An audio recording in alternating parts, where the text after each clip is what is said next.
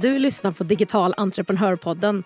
Podden för dig som vill skapa skalbara, mer automatiserade och ökade intäkter med e-handel, digitala produkter, smart marknadsföring och få den frihet som du vet att ett mer digitalt företag kan ge dig. Det är jag som är Jenny, med 20 års erfarenhet av marknadsföring, onlinehandel och företagande, av att ta fram fysiska och digitala produkter, tre egna webbshoppar och dessutom hjälpt hundratals andra att lyckas med e-handel så lär jag dig det jag har testat och det som fungerar i den här podden. Att sälja på nätet behöver inte vara så svårt. Jag finns här vid din sida varje torsdag med praktiska och beprövade steg för steg-guider, lönsamma strategier och en massa inspiration. Nu kör vi! Du vet de här inspirerande resorna och spännande vägarna som faktiskt tar en till det stället där det var meningen att man skulle hamna. Det är en sån resa som du ska få följa i det här poddavsnittet.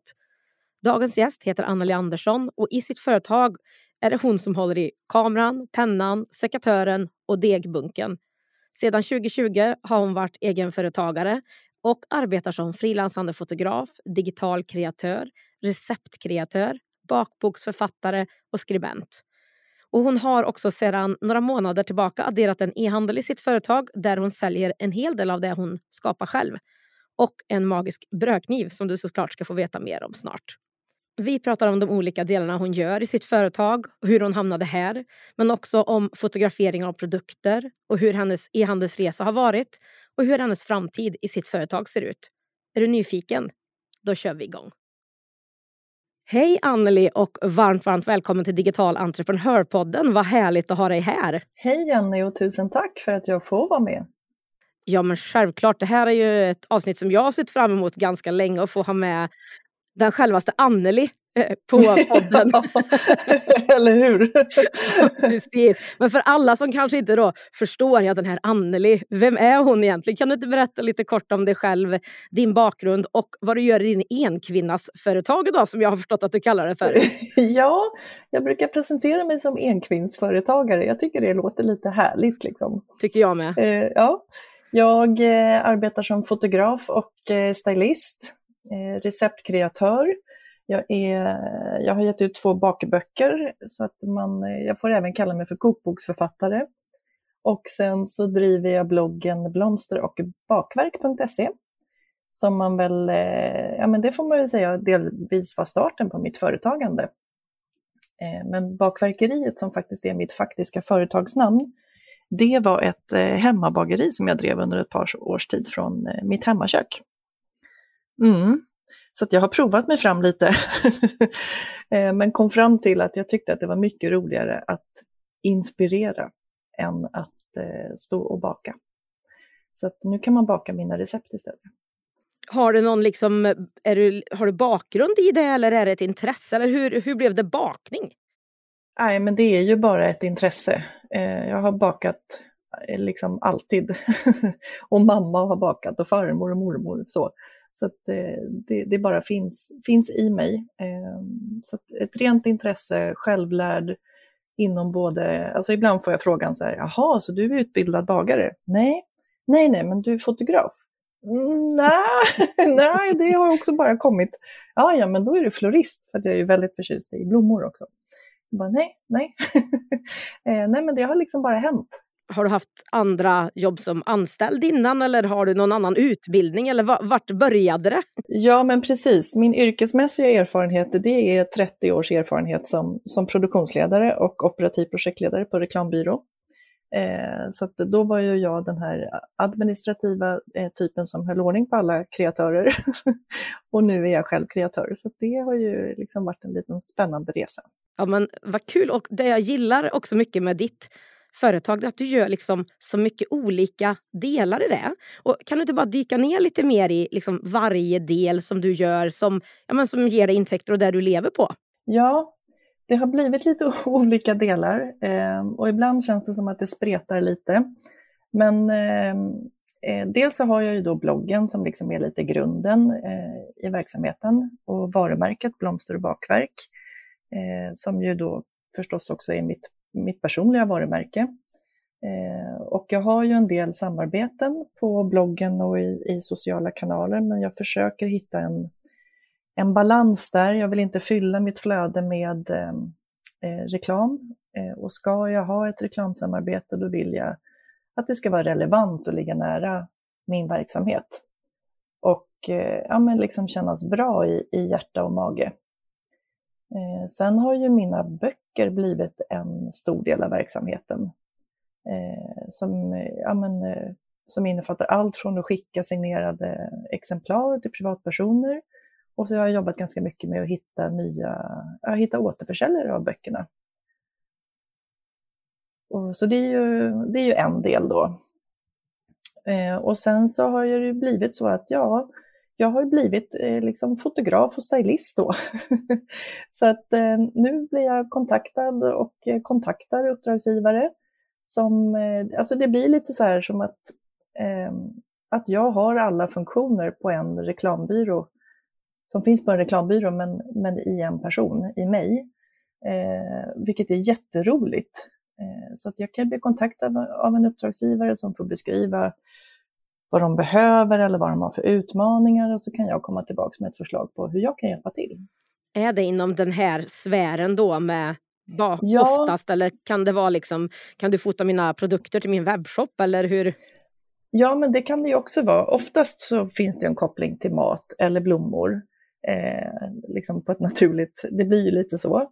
Men, men absolut, det kan vara olika det kan vara att ta fram en serie produktbilder. Ibland kan det vara en produkt ihop med en maträtt och ett recept. Eh, och sen använder ju kunden de där bilderna i sin marknadsföring och sina sociala kanaler. Och det tycker jag, det är liksom, för mig är det mera drömuppdrag än att jag ska eh, ja, men ha re betalda reklamsamarbeten i mina sociala kanaler.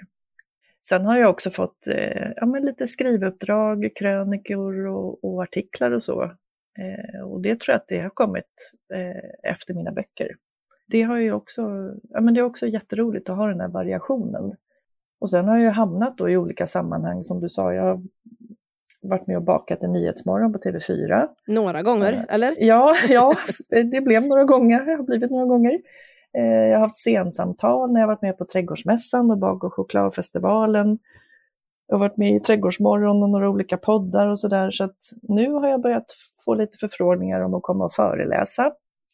Eh, så då, då ser ju det ut att kunna bli ännu en del i mitt företagande. och då får man liksom så här, jaha, okej, nu fanns det ett intresse för det här, ja vad roligt. Då, prov, då provar jag det. Ja, det är det som är så kul när man, liksom, jag tror grunden på något sätt är ju att du är en fantastisk person, att du har ett bra varumärke och att du har, gör bra saker. Och utifrån det sen så kommer det ju bara, alltså utan att man egentligen vet det när man började, så kommer det ju olika möjligheter utifrån det. Om man har sitt varumärke, gör det tydligt vad det är man gör, vem man är, då kommer ju de sen på sikt. Ja, men precis. Och det var som, alltså ibland kommer det förfrågningar som man själv inte ens har... I höstas fick jag en förfrågan om, från Trädgårdshallen i Årsta, de skulle ha jubileum. Så här, vill du komma och bjuda på fika? Det ska räcka till 200 till 250 personer. Du bara, bara eh, ja, ja, det var det här. Den här. ja, och det skulle då vara förstås med lite liksom blommiga inslag för att det var ju kopplingen till trädgårdshallen och så. Det, men det var så otroligt roligt. Eh, så ibland så händer det ju bara saker så. Och då är det bara att, att åka med liksom. det låter ju fantastiskt. Men det, det, låter som du har rätt kul om dagarna ändå i ditt eh, jobb. Ja, det har jag verkligen. Visst är det så. Om jag inte har eh, läst och har koll fel så har du väl haft företag ungefär i två år va? Mm, lite drygt två år, precis. Det stämmer bra. Men vad var det som gjorde att du tog det steget till att bli egen? Och är det någonting du ångrar eller hur tänker du kring det? Nej, det ångrar jag verkligen inte. Ehm, jag var nog, alltså jag hade länge funderat på att ta det där steget, men jag, jag vågade inte riktigt. Jag är en sån här trygghets eh, Eh, person. Eh, men jag hade ju liksom haft egen, min liksom enskilda firma vid sidan om jobbet och tagit lite uppdrag så. Eh, och så fick jag ju ett bokkontrakt som jag höll på med vid sidan om. och så kom ju coronan och det tillsammans med lite olika andra händelser gjorde att reklambyrån där jag jobbade försattes i konkurs. Eh, och då höll jag precis på att slutföra min första bok, så när den liksom var klar och liksom hela den där konkurshanteringen var färdig så kände jag att nej, det är väl nu som det är dags då.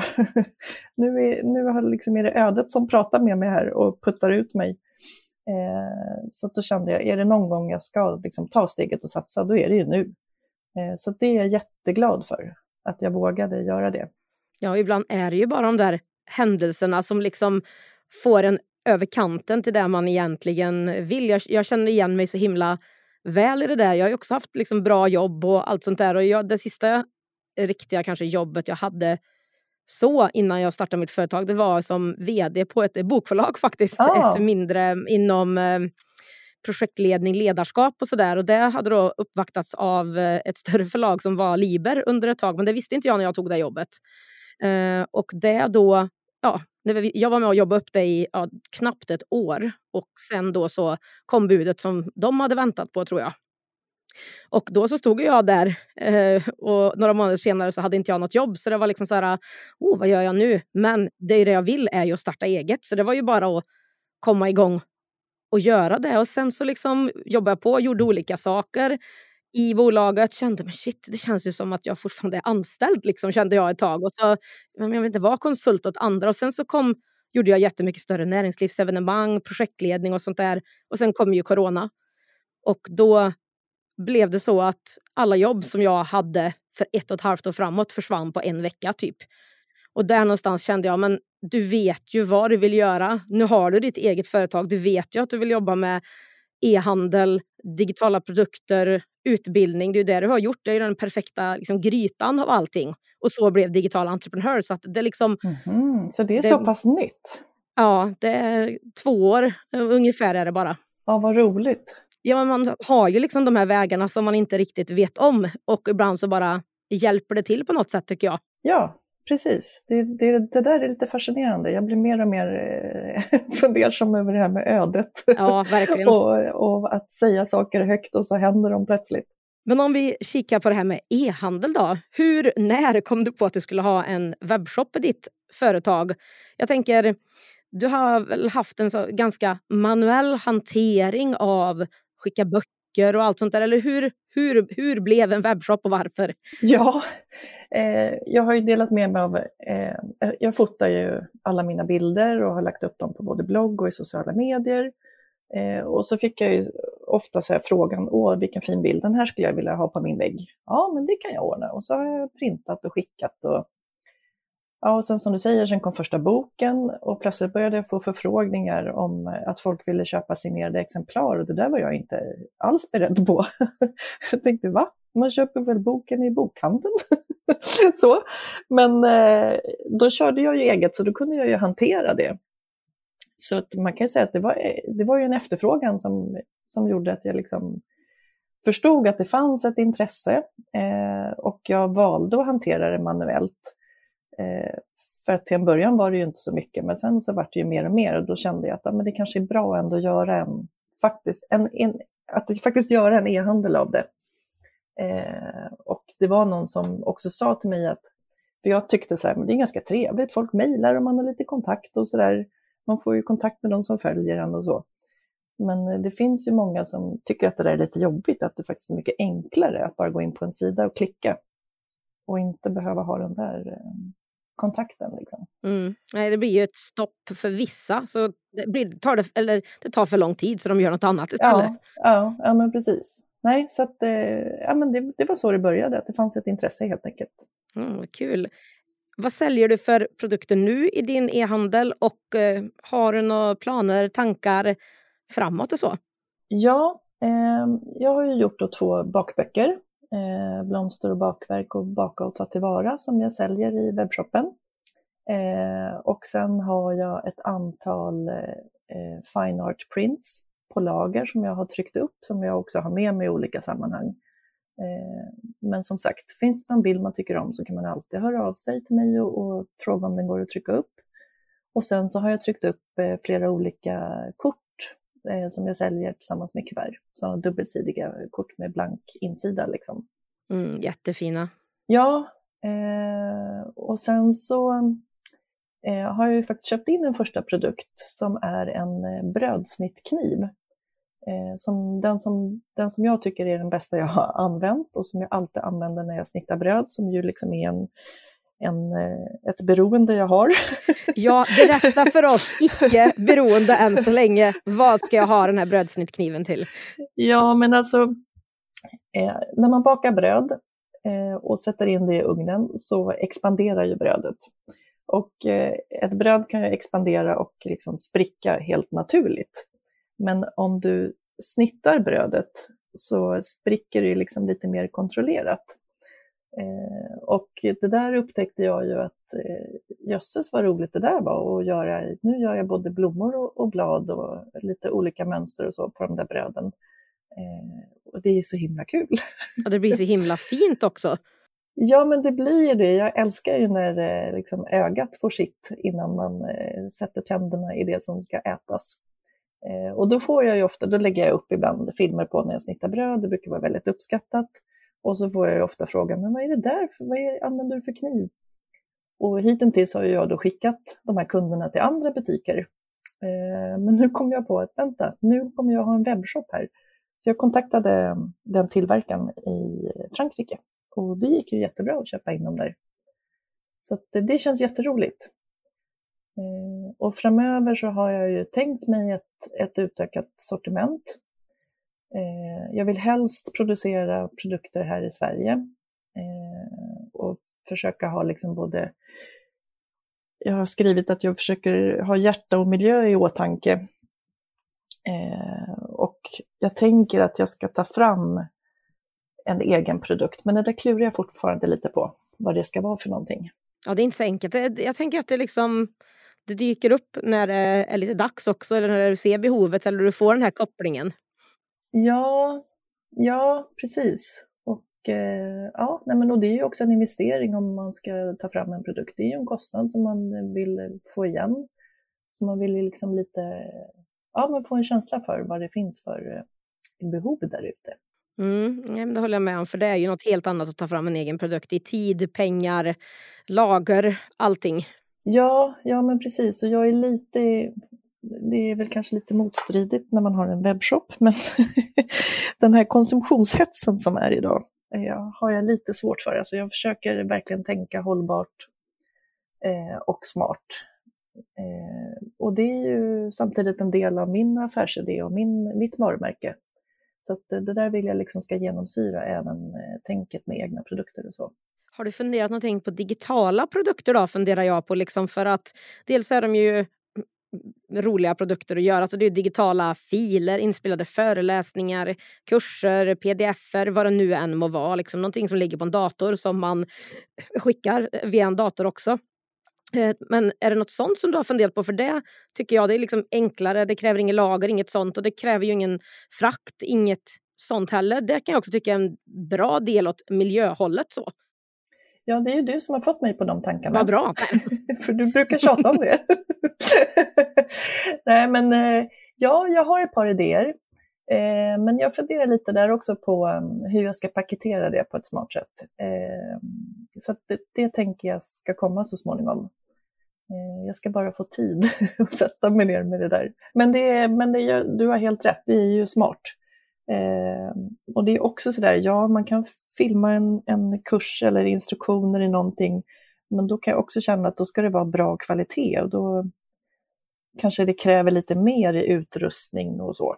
Ja, jag har ju sett, jag kan ju bara säga, jag har ju sett jättedyra kurser som har inte så bra kvalitet också, vill jag bara säga då. Så jag tror att rent spontant så behöver man inte vara så himla... Det är klart att det ska vara kvalitet och bra saker, men det behöver inte vara dyrt och det behöver inte vara svårt men absolut, och du har ju liksom den vinkeln också att ditt är ju visuellt rent fantastiskt. Så det är klart att så vill ju du också att det ska kännas. Det är en del i ditt brand. Ja, men precis. Mm, verkligen. Men det går alltid att ta hjälp. Det finns alltid olika saker. Så ja, men vad spännande. Då får vi se vad vi har att se fram emot där då, när det kommer till produkter och digitala produkter. Då. Berätta lite mer om din process med att ta fram en e-handel. Du bestämde dig eh, och sen så liksom, vad hände? Det blir ju en lite kanske längre tid än vad du tänkte från början. Hur gick det här till? Ja, det var en lång process. Eh, jag skrev ju upp mig på din kurs, Starta din e-handel, eh, och arbetade igenom den. Eh, men parallellt med det där så höll jag på att arbeta med min andra bok. Alltså att göra en bok det tar väldigt mycket tid i, i, i anspråk. Man förstår nog inte riktigt hur mycket tid det ligger bakom en bok. Och speciellt då jag som har bestämt mig för att göra allting själv.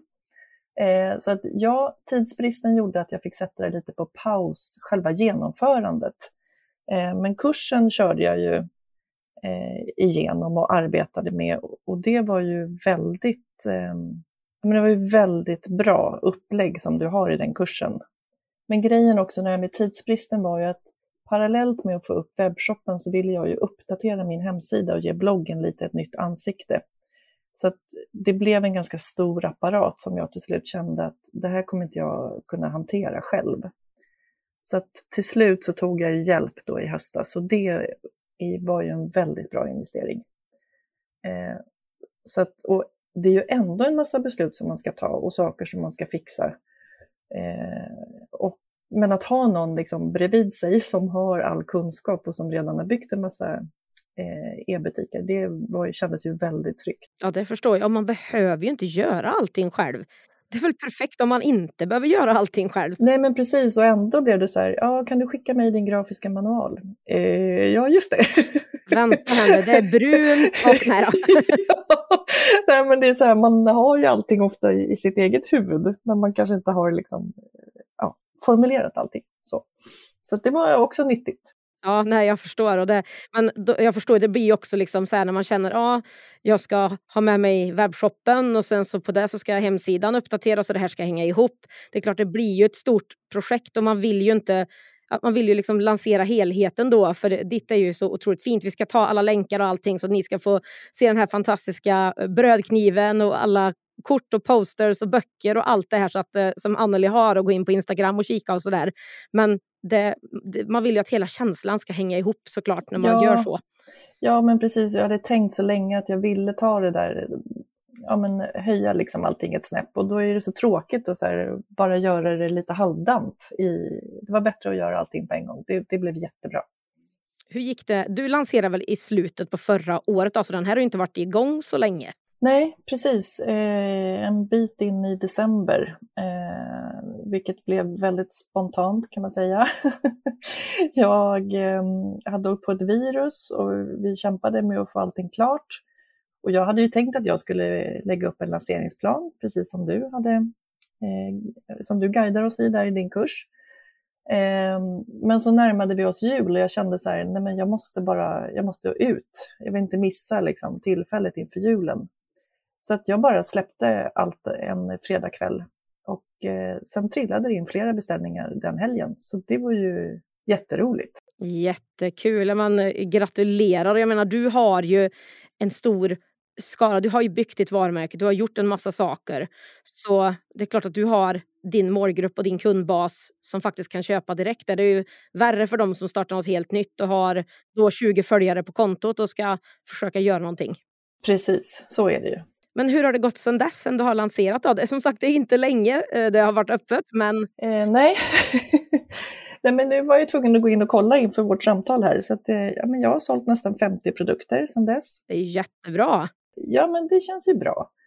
Eh, så att nu håller jag på att arbeta med att ja, men öka kännedomen om att butiken finns överhuvudtaget, för det, det tar ju tid. Eh, så att det där ser jag som en långsiktig process. Och sen eh, har jag planerat in nu att sitta med och planera närmaste kvartalet och arbeta med att ta fram eh, innehåll, alltså fota produkter och, och skriva texter och sådär. Toppen, men då, då har du, då har du liksom kommit över den stora tröskeln, fått igång den, eh, fått igång försäljningen och nu ska du liksom skala upp och ja, men öka på helt enkelt. Mm, ja, precis. Ja, vad kul. Eh, en fråga som jag undrar är så här, hur har du valt att göra med frakten, för du har ju en del posters, du har vykort, du har kniven, du har böcker. Posters är ju inte, alltså har du hemma hos dig och skickar eller är det någon som trycker ut och skickar eller hur funkar det? Eh, det där med frakten, det klurade jag ganska länge på eh, och, och fastnade lite i. Eh, men jag landade till slut i att jag kör en enhetlig fraktkostnad på 79 kronor. Det blev enklast så helt enkelt. För jag försökte liksom att men hitta ett sätt för en brödsnittkniv väger ju inte alls lika mycket som en bok. Men, och hur ska jag hantera, men sen blir det liksom någon som beställer en bok och en brödsnittkniv. Alltså, det blev ju bara så här, man snurrar ju bara in sig själv i en omöjlig ekvation till slut kände jag.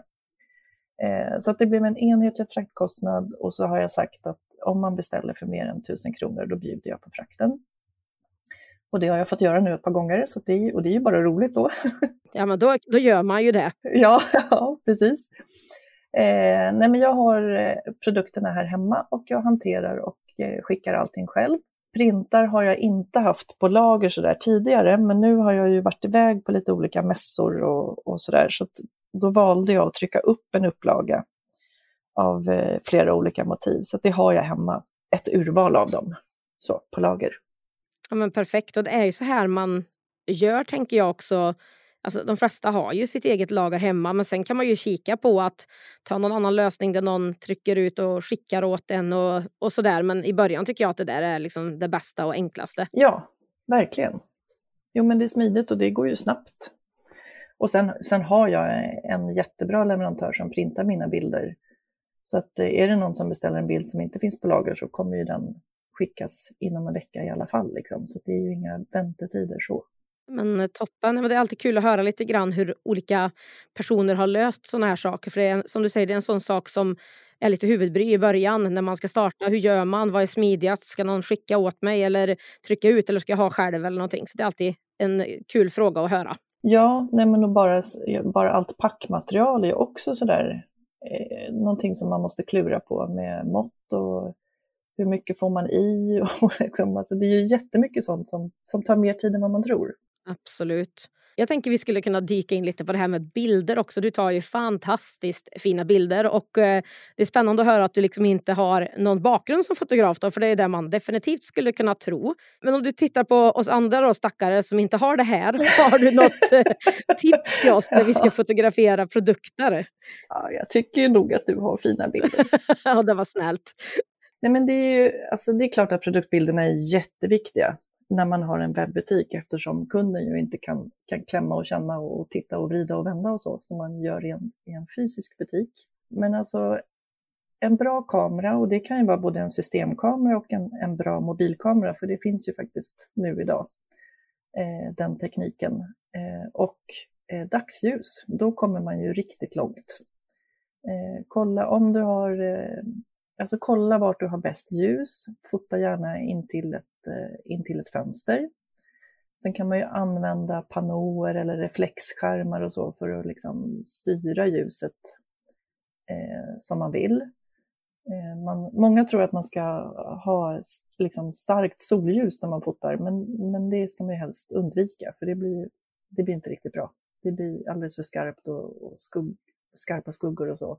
Om man inte Eh, vill ha den stilen förstås. Och sen ska man tänka på att släcka alla lampor. Det syns alltid om man har någon liten lampa tänd. det blir ett gult stick i ljuset.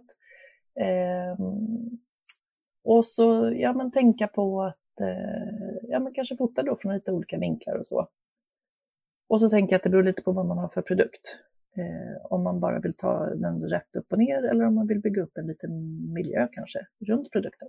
Hur bygger man en miljö runt produkten? Jag förstår att det är svårt att säga, men man skulle kanske behöva visa och så. Men har du några liksom små tips kring, det liksom handlar om att kanske sätta den lite i ett sammanhang med lite props runt och så eller? Ja, men precis som till exempel min brödsnittkniv. men då har jag fotat den tillsammans med ett snittat bröd. Eller du kanske har en, en hudkräm, du kanske vill lägga kanske vill ha en bild där du öppnar burken, där locket kanske ligger lite fint och du har någon eh, ja, men kanske någon liten, eh, eh, jag vet inte, någon liten linneduk eller alltså man får in lite mjukt, någonting mjukt till den här hårda produkten. Man kanske lägger dit en liten, eh, om det, är en, eh, om det innehåller någon blomma kanske, eller en extrakt från hjortron, eller jag vet inte. Att man liksom plockar upp det som finns i produkten och har med i bild. Det gör ju att det blir ju väldigt trevligt för ögat. Mm, ja, men det gillar vi. Så, eh, så har jag inte tänkt så mycket förut. Så det tycker jag var jättebra eh, tips att tänka på liksom vad som är i eller hur ja, men liksom kopplingen till det. Så det gillar jag verkligen. Det är ett enkelt tips att faktiskt ta med sig.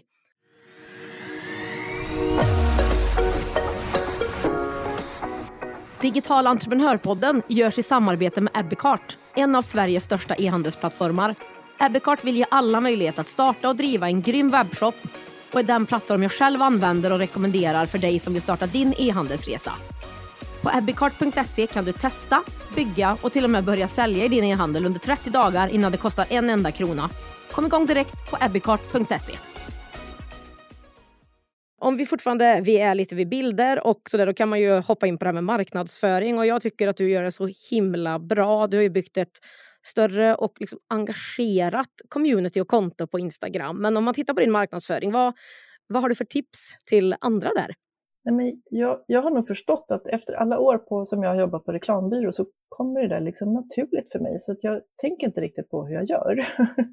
men jag, det är många som säger så som du gör, att jag gör det på ett bra sätt och inte liksom krängigt sätt och så. Men alltså det handlar ju mycket om att bygga en relation, en, relation, en trovärdighet, eh, samtidigt som man vill inspirera och eh, framförallt ha en, en kommunikation jag svarar ju på alla kommentarer. Skickar man DM så svarar jag där. Eh, skickar någon en fråga på bloggen så svarar jag. Alltså, det är ju en, en tvåvägskommunikation. Ehm, eh, sen om, om man då ska nämna Instagram lite kort så är ju det som ett, alltså det är som ett stort svart hål just nu.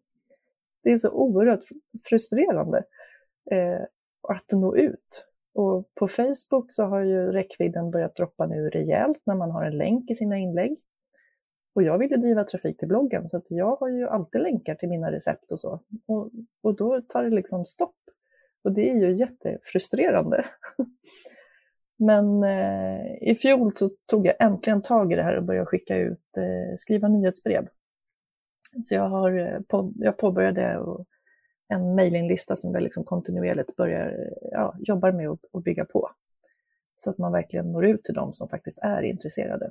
Precis, som man har sin egen kanal som inte styrs av Meta, alltså Facebook och Instagrams algoritmer eller när de stämmer sig för att göra en övning eller liksom förändra eller att de ser något annat spännande. Utan ett mejl är ju superbra tycker jag. Det är ju min största kanal också för försäljning. Så att det är jättebra tips. Precis, det är väldigt bra. För jag läste en, eh, en artikel om att eh, alltså om man når ut till 10% av sina följare på Instagram just nu. Ja, jag tror bra. att det är extremt bra. Jag har hört tre också eh, faktiskt. Ja, men det är ju, det är ju jättetråkigt. Alltså det är ju kämpigt. Men, och det är ju oavsett vilken storlek du har på ditt konto. Så, att, så det är lika tufft för andra och det tror jag att man ska vara. Man ska inte känna sig eh, ensam i det. så. Sen är ju inte marknadsföring är inte bara sociala medier. Jag har jobbat jättemycket med att få ut mina böcker till exempel på, på så många försäljningsställen som möjligt. Eh, butiker som köper in mina böcker, jag har åkt runt på boksigneringar, marknader, mässor. Alltså det är väldigt bra att synas på flera olika sätt. Ja, och det här, vill jag liksom, det här vill jag nästan stanna vid för att det här är ju det jag tycker man mycket ser hos sådana som startar e-handel eller liksom digitala företag så känner man att bara jag startar det så löser det sig. Jag behöver egentligen bara lägga ut kanske lite inlägg. Men just de här fysiska platserna som du pratar om, vad bra de är. Det är där de, de driver ju jättemycket försäljning till webbshoppen också. Så det var ju typ så som jag skulle säga att jag skalade upp i grunden. Den första webbshoppen jag hade med hundprodukter där vi åkte ut på olika, ja, där målgruppen fanns, stora tävlingar eh, med rätt typer av personer och hundar som ville eh, köpa sådana typer av saker som vi sålde eller jag sålde. Och sen på, i pauserna, alltså du tävlar ju, det är en hel dag, du står där och sen tävlar du en eller två gånger i fem, tio minuter. Sen kom de ju liksom och handlade, pratade och vi fick hur mycket kunder som helst efteråt som hade varit där och köpt eller inte som kom om och om igen sen. Så att det där, de här fysiska platserna där din målgrupp är, det är ju så bra alltså. Precis. Och, och eh, också arbeta, jag försöker arbeta ganska mycket lokalt. Och det finns alltid, alltså det finns ju inte bara julmarknader utan nu det är ju många som kör både vårmarknader och det är påsk och det är liksom, ja. Alltså försök att komma in i de sammanhangen och vara där med ditt eh, sortiment. Eh, och sen är det sådär, jag kan vara med på en marknad och, och sälja jättedåligt. alltså, intäktsmässigt kan det ju variera enormt. Men eh, då har jag tänkt så här, ja men varje gång jag står där och syns så är det marknadsföring. Och eh, böcker är ju, alltså jag tar ju, bo, köper man boken av mig så kostar den ju mer än om man köper den på nätet, för jag kan inte konkurrera med de stora nätbokhandlarna. Eh, eftersom jag köper ju in boken själv från, från förlaget, så jag måste ju liksom få eh, en, någon avans på det. Så att jag ser ju att en del står och bläddrar och blir jättesugna och så, en, eh, så märker jag att men de här kommer ju gå hem och beställa boken på nätet. Men det spelar ingen roll, för att eh, det är fortfarande en bok såld. Även om inte pengarna kom i min ficka. Liksom. Så, så att, eh, nej, eh, jätteviktigt att synas på flera olika sätt.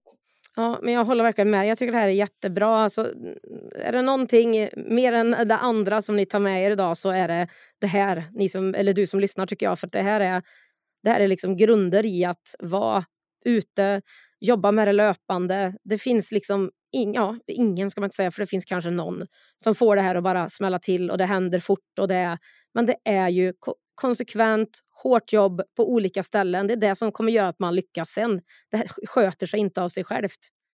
Nej, så är det ju verkligen. Mm. Och det är ju jätte, att vara ute fysiskt är ju väldigt roligt.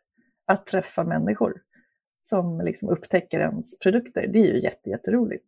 Ja, men det är ju jättekul och man får prova att liksom säga de här sakerna man kanske skriver också. Man skriver de här sakerna att det där är så bra för att eller men så tänker man, nej men jag har sagt den här one-linen här nu till tre kunder och ingen har reagerat men de verkar ju tycka om när jag säger så här eller de tittar i boken och så öppnar de alltid och säger wow, bilder, bilder och du kanske pratar om recept, recept. Ja, men då kanske man ska prata mer om bilderna för det verkar ju vara det som man lär sig så mycket av kunderna också tycker jag när man är ute så där. Verkligen, det har du helt rätt i.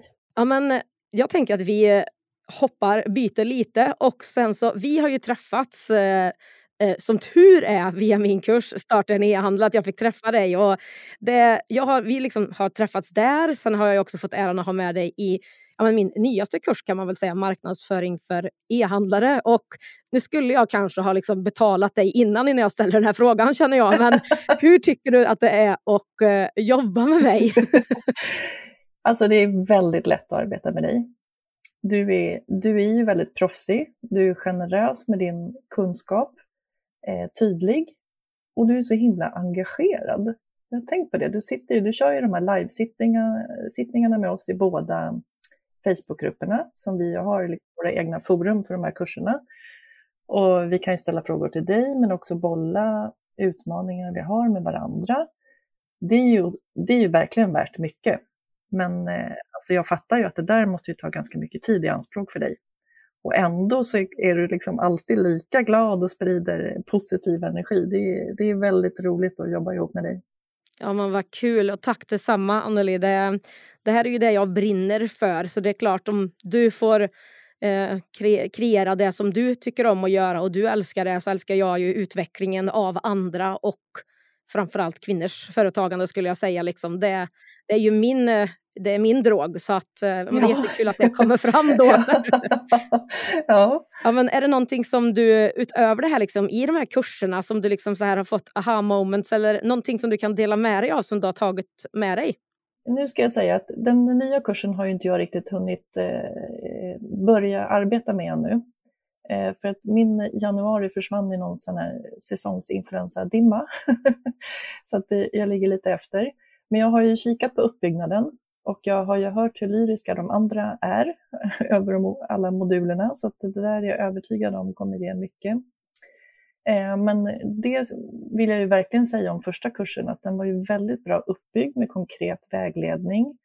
Ehm, alltså många bra övningar där man verkligen fick sätta sig ner och tänka igenom både sitt varumärke, vad jag ska ha för utbud, vad söker man på för ord, hur ska min grafiska profil se ut, hur ska jag läsa frakten, hur ska jag räkna? Alltså eh, en massa saker som är ja, men väldigt, väldigt eh, matnyttigt och konkret. Sen, sen får man ju vara tydlig med, alltså det där grundarbetet måste man ju ändå göra själv för att hitta sin egen väg. Man måste ju vara beredd på att lägga ner tiden. Eh, och sen som vi har sagt eh, tidigare, att det som man inte själv kan eller liksom mäktar med, ja men ta hjälp då. Eh, om du har möjlighet. Eh, eller du kanske känner någon som kan hjälpa dig. Liksom. Eh, men, men kurserna är verkligen en, en bra eh, grundbult. Så. Ja, men vad bra. Vad kul, och, vad kul att höra. Tack Anneli. Och det gäller ju liksom på något sätt, det, det går lite emot en i början när man kanske inte har fått in så mycket intäkter och man inte kommit igång och sålt och sådär. Men är det någonting jag liksom lär mig mer och mer så är det ju verkligen att ta hjälpen med antingen sånt jag inte kan eller sånt som liksom tar för mycket tid för mig från att om inte min tid räcker till till att jobba med marknadsföring eller sälja produkter eller åka på mässor eller ta fram nya kurser i mitt fall. Om inte min tid räcker till det, då kommer jag ju aldrig få in mer intäkter heller. Så då kan jag liksom köpa mig fri på något sätt av duktiga människor som kan göra andra saker. Vilket gör att det kommer bli billigare för mig än att jag sitter och gör det själv ändå. Så det blir win-win, även om det är ett mentalt jobbigt steg att komma över. Ja, men jag vet, och man vill liksom inte, man vill vara försiktig kanske med utgifter och man tycker att det kostar mycket att anlita den där fotografen eller webbutvecklaren eller eh, re revisorn. Liksom. Men, men som du säger, man, man, man kan ju fastna i Google. Eh, Okej, okay, hur gör jag en WooCommerce? alltså, börja där, det är ju, åh, nej men då, då rullar ju timmarna iväg som du kan lägga på mycket bättre saker.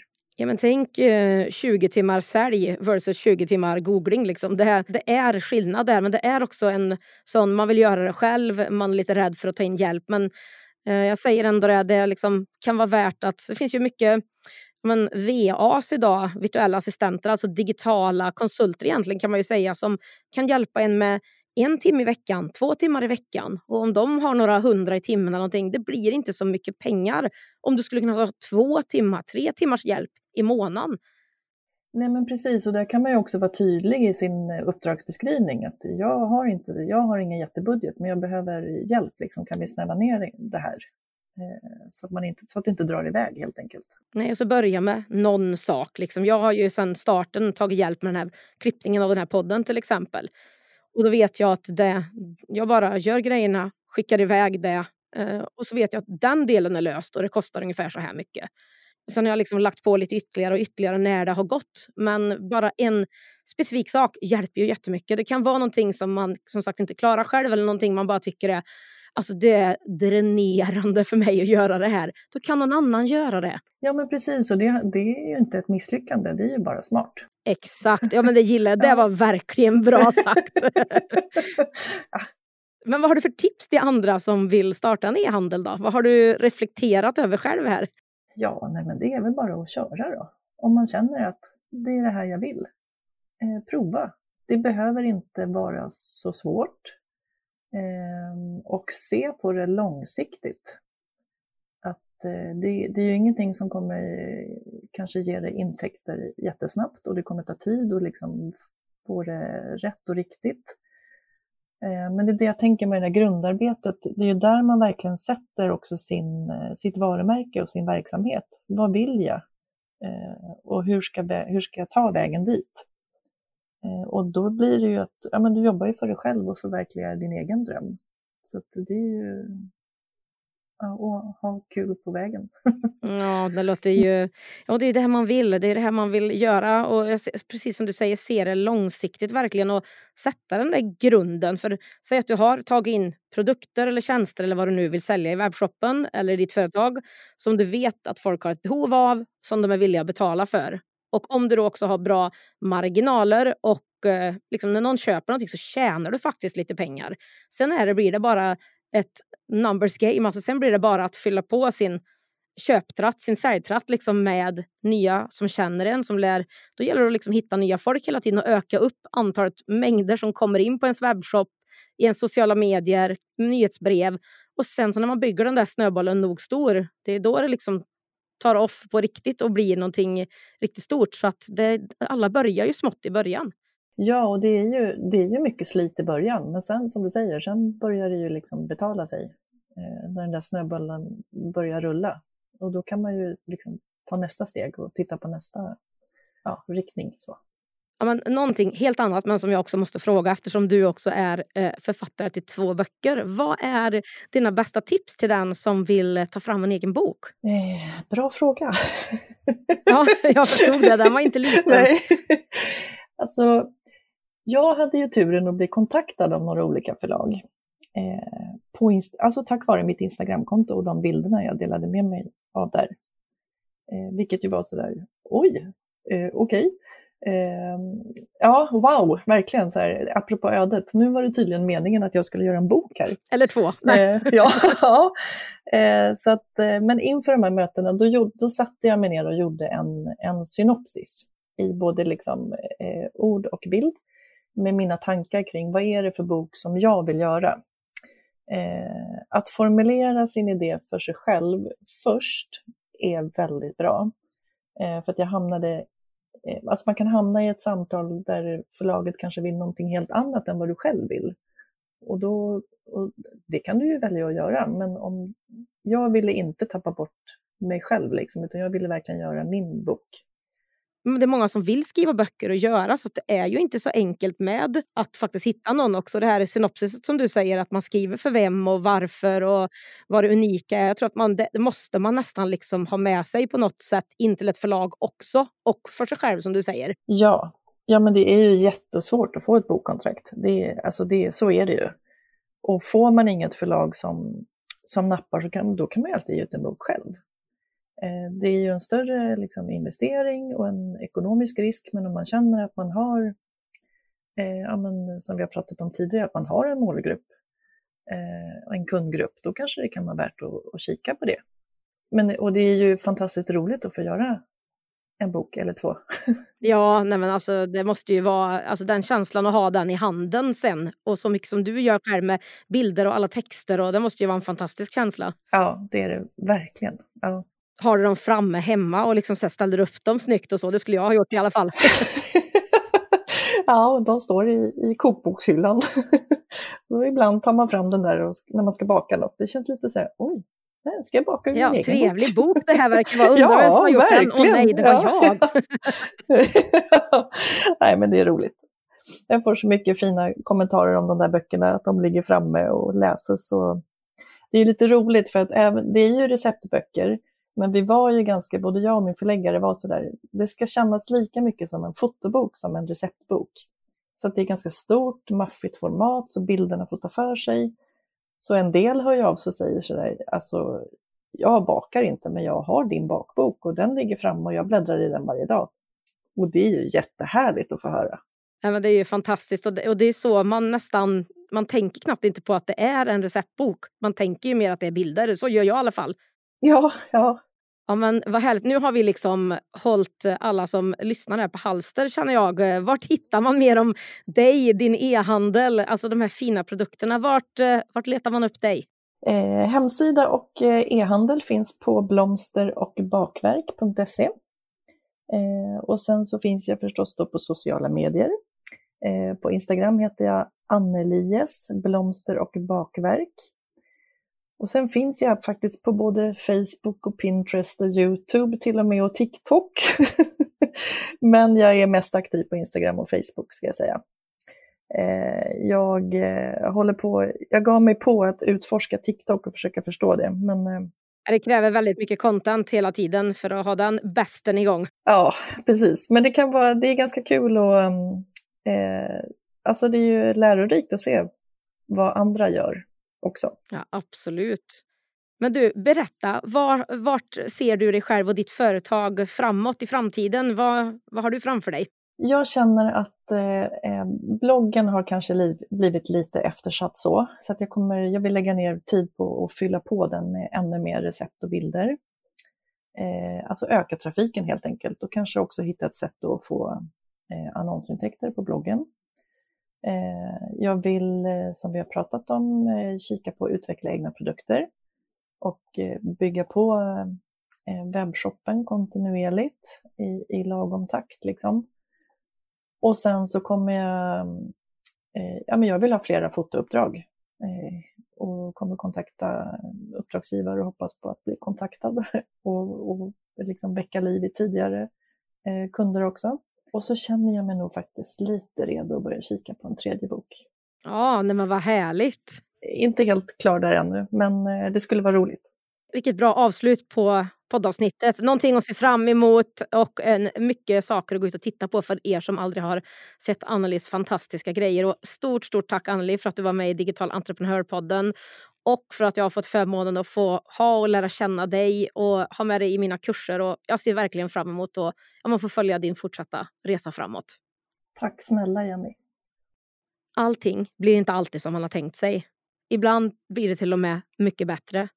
Jag tycker att Annelies resa visar på det som jag så starkt tror på. Att om du bara börjar, börja med det du kan just då, där du står och bygger utifrån det som du kan och du älskar att göra så kommer resten av sig själv. Det gäller bara att börja.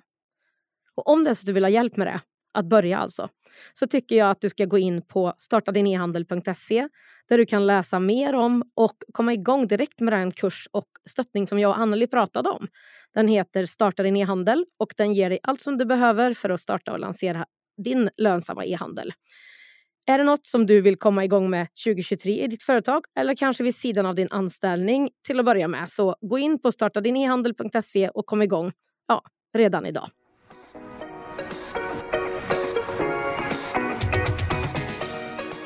På digitalentreprenör.se podd hittar du länkarna till det vi har pratat om idag, fler poddavsnitt och kan läsa mer om poddens samarbetspartners, e-handelsplattformen Abbeycart är du redo att börja generera återkommande och skalbara intäkter online och skapa mer frihet i var och när du jobbar? Då är min beprövade onlinekurs Starta din e-handel för dig.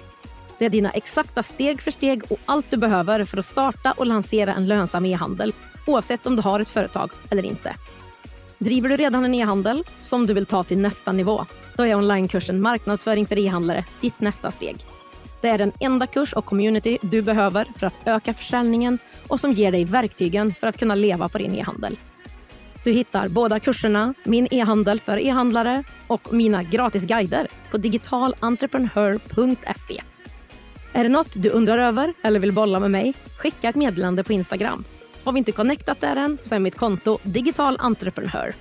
Till sist, för att inte missa nästa avsnitt av Digital Entreprenörpodden, se till att följa den där du lyssnar på poddar. Och det skulle göra mig så glad om du också ville betygsätta podden om det är så att du gillar den.